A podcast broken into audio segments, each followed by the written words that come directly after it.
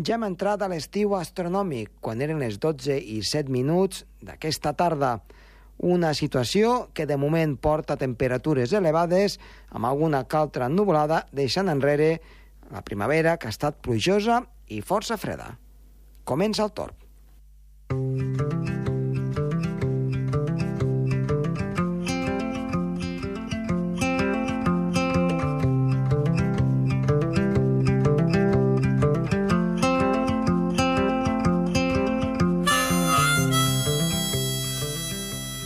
Avui en el programa parlarem d'aquesta entrada a l'estiu astronòmic, com no, hem deixat enrere les fredorades i les precipitacions, i encetem una nova estació, de moment calorosa, ja veurem què és el que acaba passant. Però ens anirem cap al pol nord i pol sud per veure com han evolucionat el gel, en aquest cas, durant aquest hivern, i què és el que pot passar també al llarg d'aquest estiu. A part de les nostres seccions habituals, tant amb Sergi Càrceles com amb Gerard Tauler. Som-hi!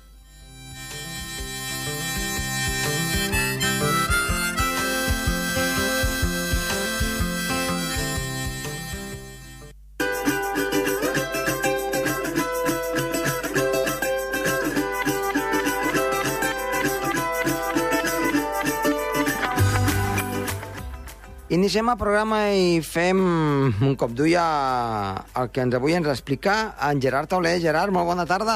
Hola, molt bona tarda, Josep Tomà. Ja hem entrat a l'estiu astronòmic i, per tant, avui dijous, avui dijous el, la, la situació doncs, eh, per fi ja ha començat a ser, de fet, aquesta setmana, quan ha de ser una mica, una mica més d'estiu. I avui, precisament, el, el que vols és parlar-nos de, de les temperatures, de les sèries de temperatures, amb una cosa que és, és fonamental i que moltes vegades, doncs clar, qui no està acostumat no, no se n'adona. És veritat, no? Sí, l'absència de llacunes. Mm -hmm. Clar, però quan diem... són que hi ha dades que, que falten en una estació, que, que falten dies. Mm -hmm. Clar, una estació important és que la sèrie sigui completa per poder calcular la mitjana de qualsevol dia de l'any, de tots els mesos, i veure les tendències, a veure si hi ha un escalfament un refredament. Si falten dies, doncs aqu- aquestes tendències és més difícil de calcular. Ja. S'ha d'homogenitzar la sèrie, s'ha d'emplenar amb, amb estacions veïnes. Mm -hmm. I, com, I com ho fem si, no, si ens Sí, falten doncs, dies? Amb estacions veïnes o, o amb la mitjana de la sèrie, si s'ha... Hi ha, hi ha diferents tendències, hi ha diferents mètodes que tenim els climatòlegs per emplenar la, els buits de les dades. Mm -hmm. I, i, I són prou fiables quan hi ha buits eh, la manera d'omplir-los amb, aquestes, amb aquests mètodes que tu estàs explicant?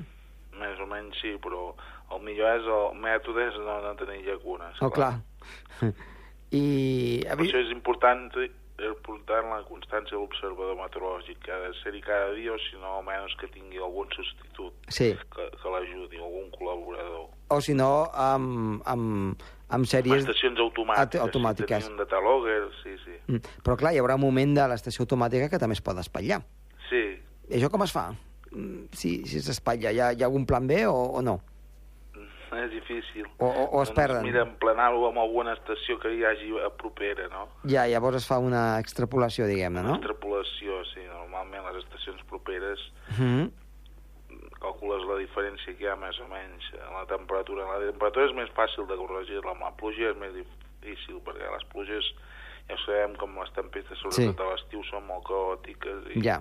és difícil d'emplenar-ho. Potser que Indorra és més senzill perquè hi ha moltes estacions molt properes, però sí tens raó de que en quant a, a les tempestes, mmm, d'una vall a l'altra pot ser el dia i la nit, no? Sí, sí, varia molt. Varia moltíssim en, en aquest aspecte.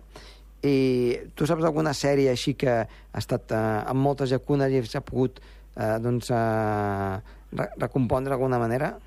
Home, la sèrie de Barcelona teníem força llacunes i l'han recompost. Uh -huh.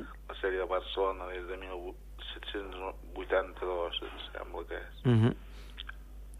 I, eh, A més, havia variat en mo- molts, moltes localitzacions i han pogut els tècnics del Servei Meteorològic de, de, de Catalunya, de, Mhm. els tècnics climatòlegs, l'han pogut fer una composició de la sèrie. Uh -huh. I per tant s'ha pogut... I podem veure doncs, que s'ha escalfat, que els últims anys són els més calents. Uh -huh. I s'ha tingut en compte també, que, perquè clar, moltes vegades penses eh, sí, clar, aquest observatori estava a tal lloc, però Sí. fa 200 anys a aquest lloc hi havia molt poques cases al voltant, i ara Sí. resulta que és entre ciutat. Això també s'ha compensat o no? Això no ho sé, però aquí a Girona s'ha notat molt amb l'Observatori del Belllloc, que hi vaig calcular la tendència, que és ben bé que és ben bé amb l'aeroport, Mm -hmm. Una tendència contrària. Amb les, amb les mínimes hi ha una tendència clara de, que, que és significativa, el 99% de l'escalfament al, al bell lloc, perquè abans estava en una zona rural, estava lluny del, del centre de la ciutat i ara està doncs, ben bé englobada per l'illa de calor i, i ara doncs clar, les mínimes han pujat molt. Ja. En canvi, les màximes és a l'inversa. Això em fa pensar que potser l'observador no feia bé, les, les Mhm. observacions de les màximes, Mm -hmm. perquè a les màximes no n'hi hauria d'haver-hi tanta diferència. És complicat, eh, tot plegat, És complicat, sí. eh, perquè encara que et sembli que durant 100 anys això no canviarà... Les mínimes és, és normal, però les màximes que hi hagi una tendència Sí. significativa del 99% que, que s'hagi refredat, no és gaire No, no, normal. és- no és gaire normal, la veritat. Doncs molt bé, Gerard, moltíssimes Molt gràcies bé, i t'esperem la setmana que doncs ve. fins La setmana vinent. Adéu-siau. Vinga, adéu.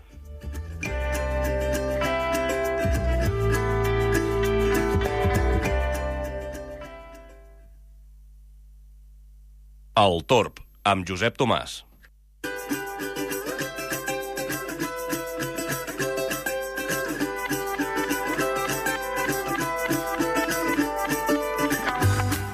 Continuem amb el programa i connectem en aquest cas amb Sergi Carceler. Sergi, bona tarda.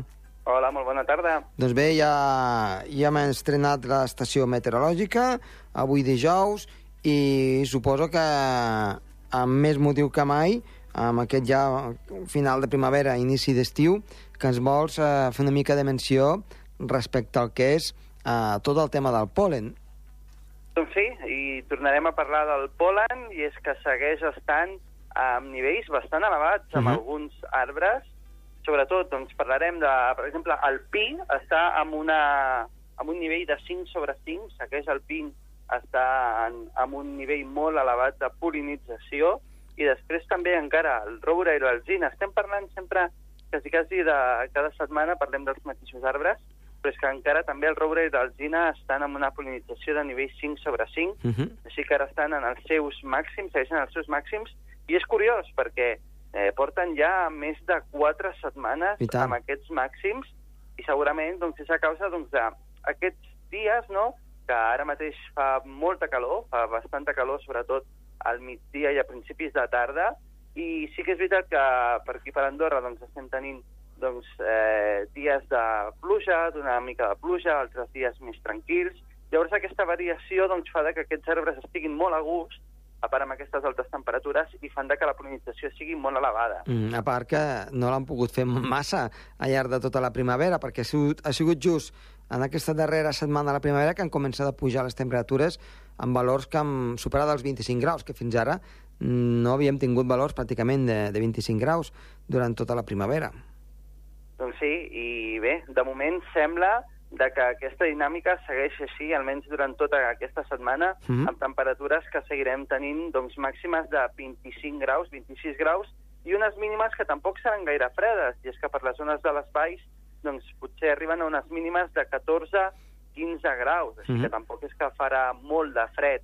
I és que ens estem apropant cada cop més a l'estiu, queda molt poc, ja, perquè toquem el, a l'estiu, i bé, eh, parlar també d'algunes plantes més, per exemple, les gramínies. Les gramínies han tornat a repuntar una mica i ara estan amb una alerta de 3 sobre 5. Mm, Ha anat pujant, eh, això?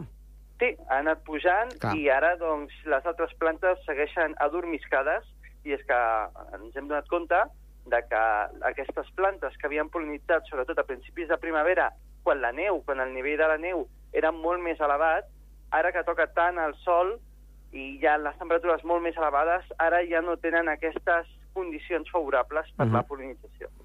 Doncs bé, eh, anirem, anirem en compte i esperem doncs, que ràpidament doncs, ja acabi aquesta polinització i l'estiu que avui dijous ja, ja ha començat a primera hora del matí doncs, eh, continuï amb calor, però, però no en tropo, eh? Tampoc que, que no es passi. Eh, Sergi, moltíssimes gràcies i t'esperem la setmana vinent.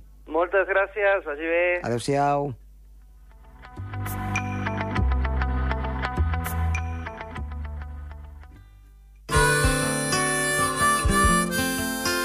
El Torb, amb Josep Tomàs.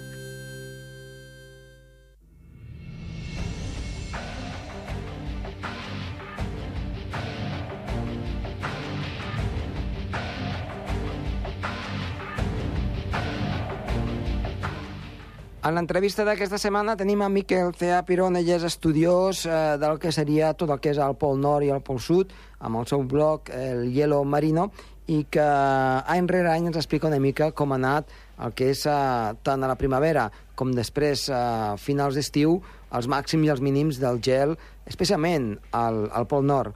Miquel, buenas tardes. Hola, Josep. Buenas y tardes. bienvenido de nuevo aquí al programa Tor.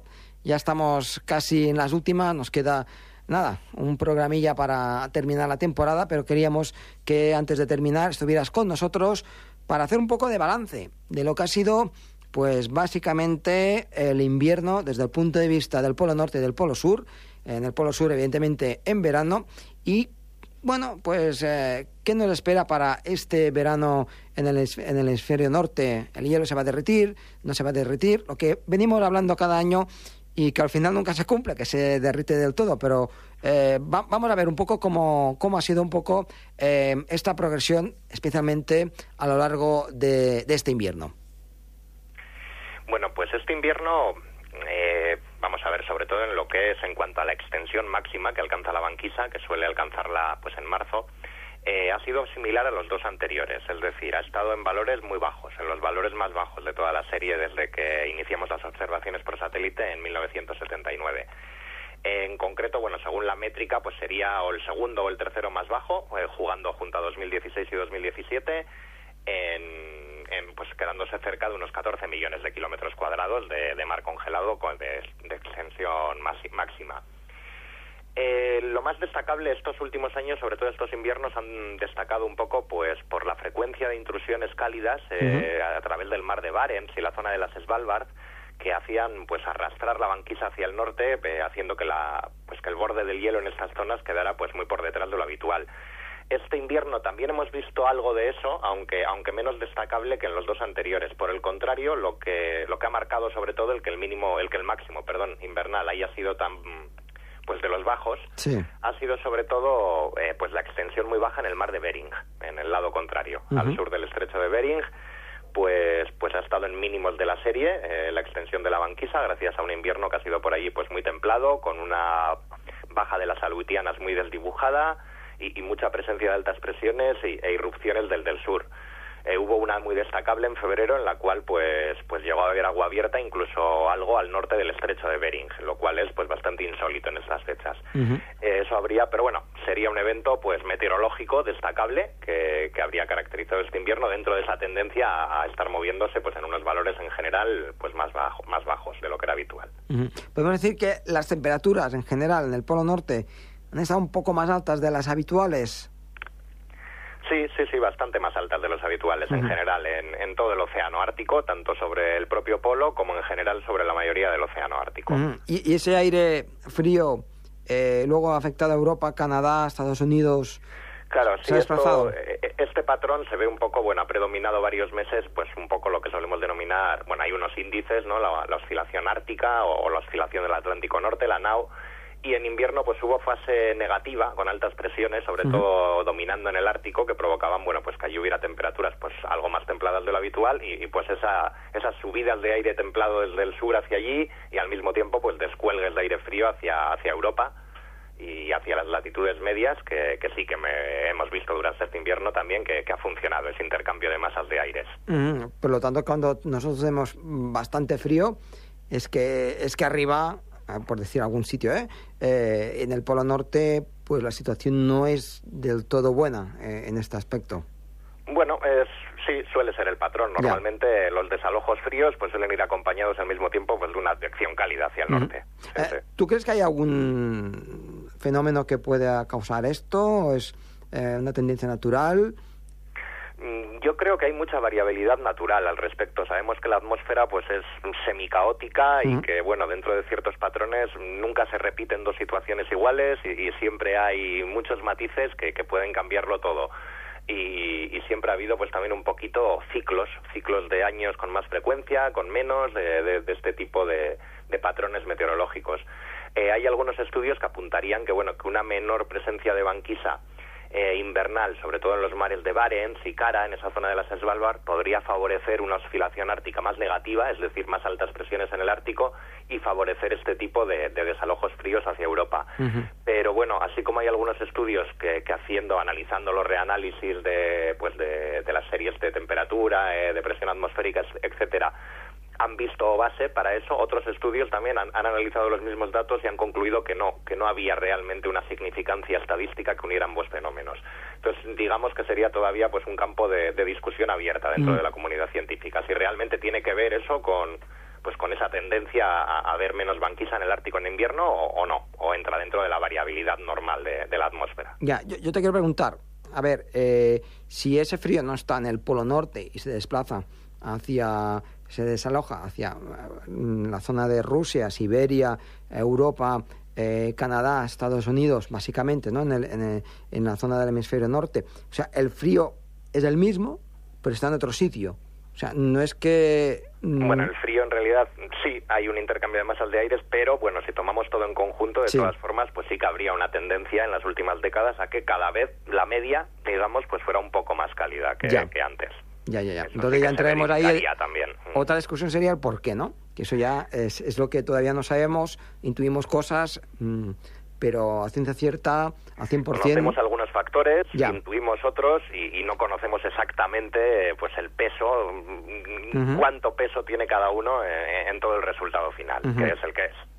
A lo largo de estos años que hemos ido hablando y también desde que tú pues, estudias eh, los fenómenos del Ártico, eh, ahora ya un poco más, eh, en esta experiencia mucho más dilatada, eh, dentro de los ciclos que pueda haber, mm, ¿tú ves una tendencia clara a que finalmente en el Ártico se pueda acabar de fundir todo el hielo en, en el verano?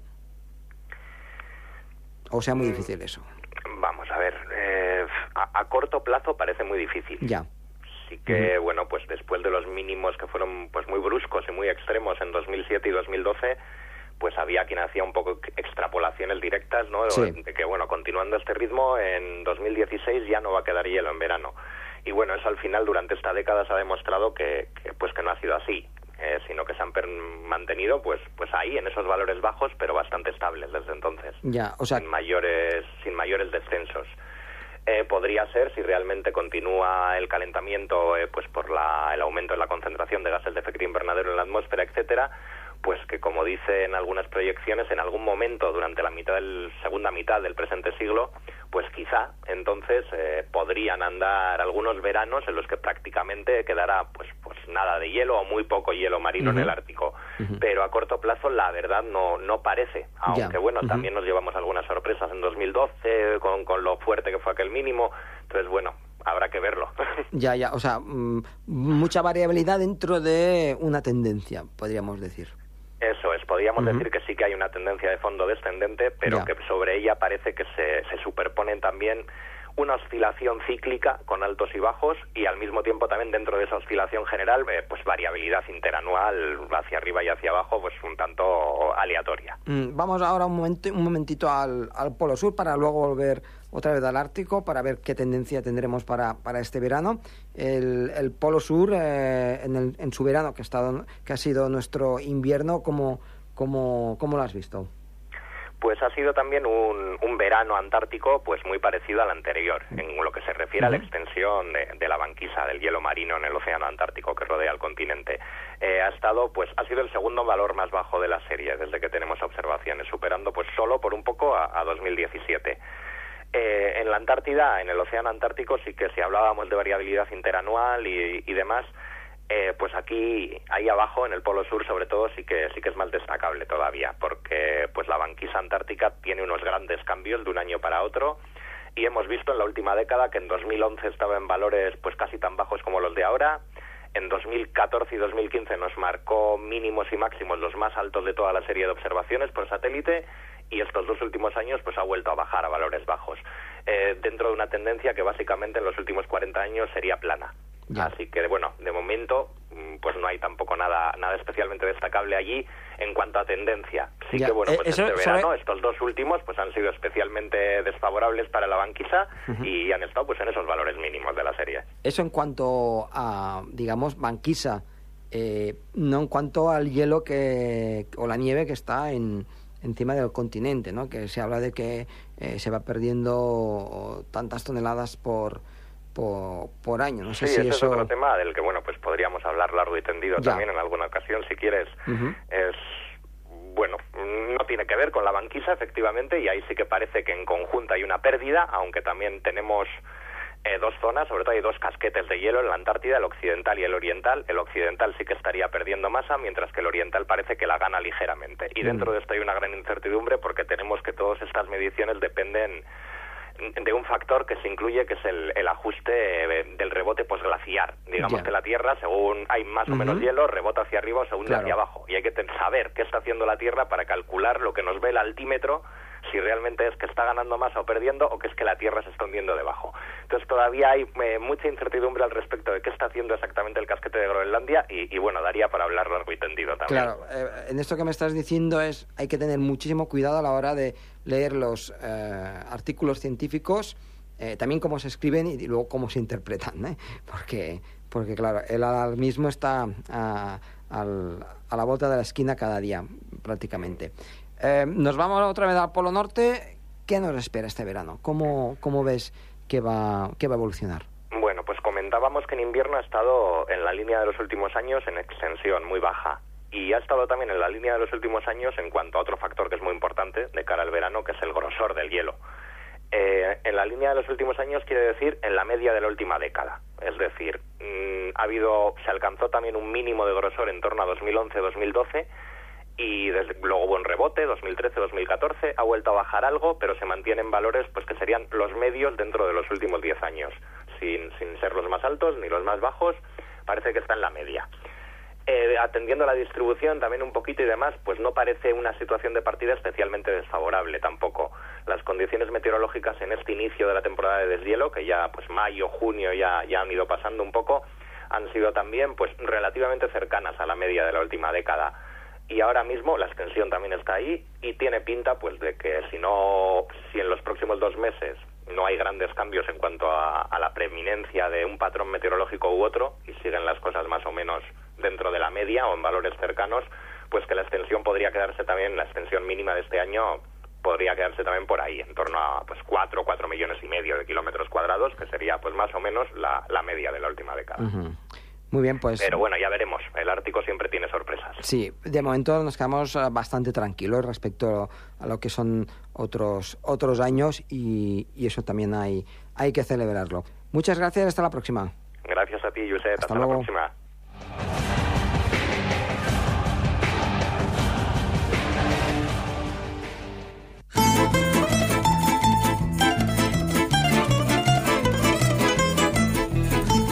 Doncs anem a veure què ens espera per aquest cap de setmana.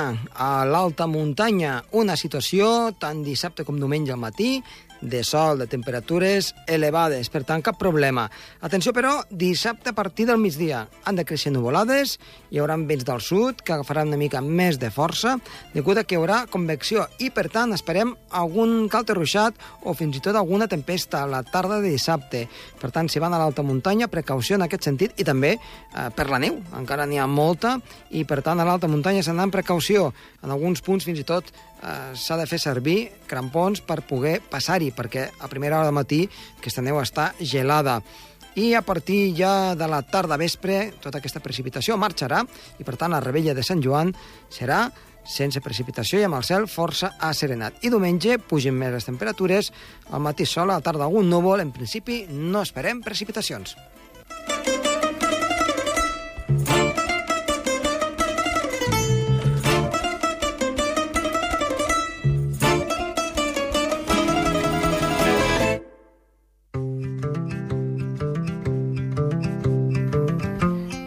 Doncs fins aquí el programa d'avui.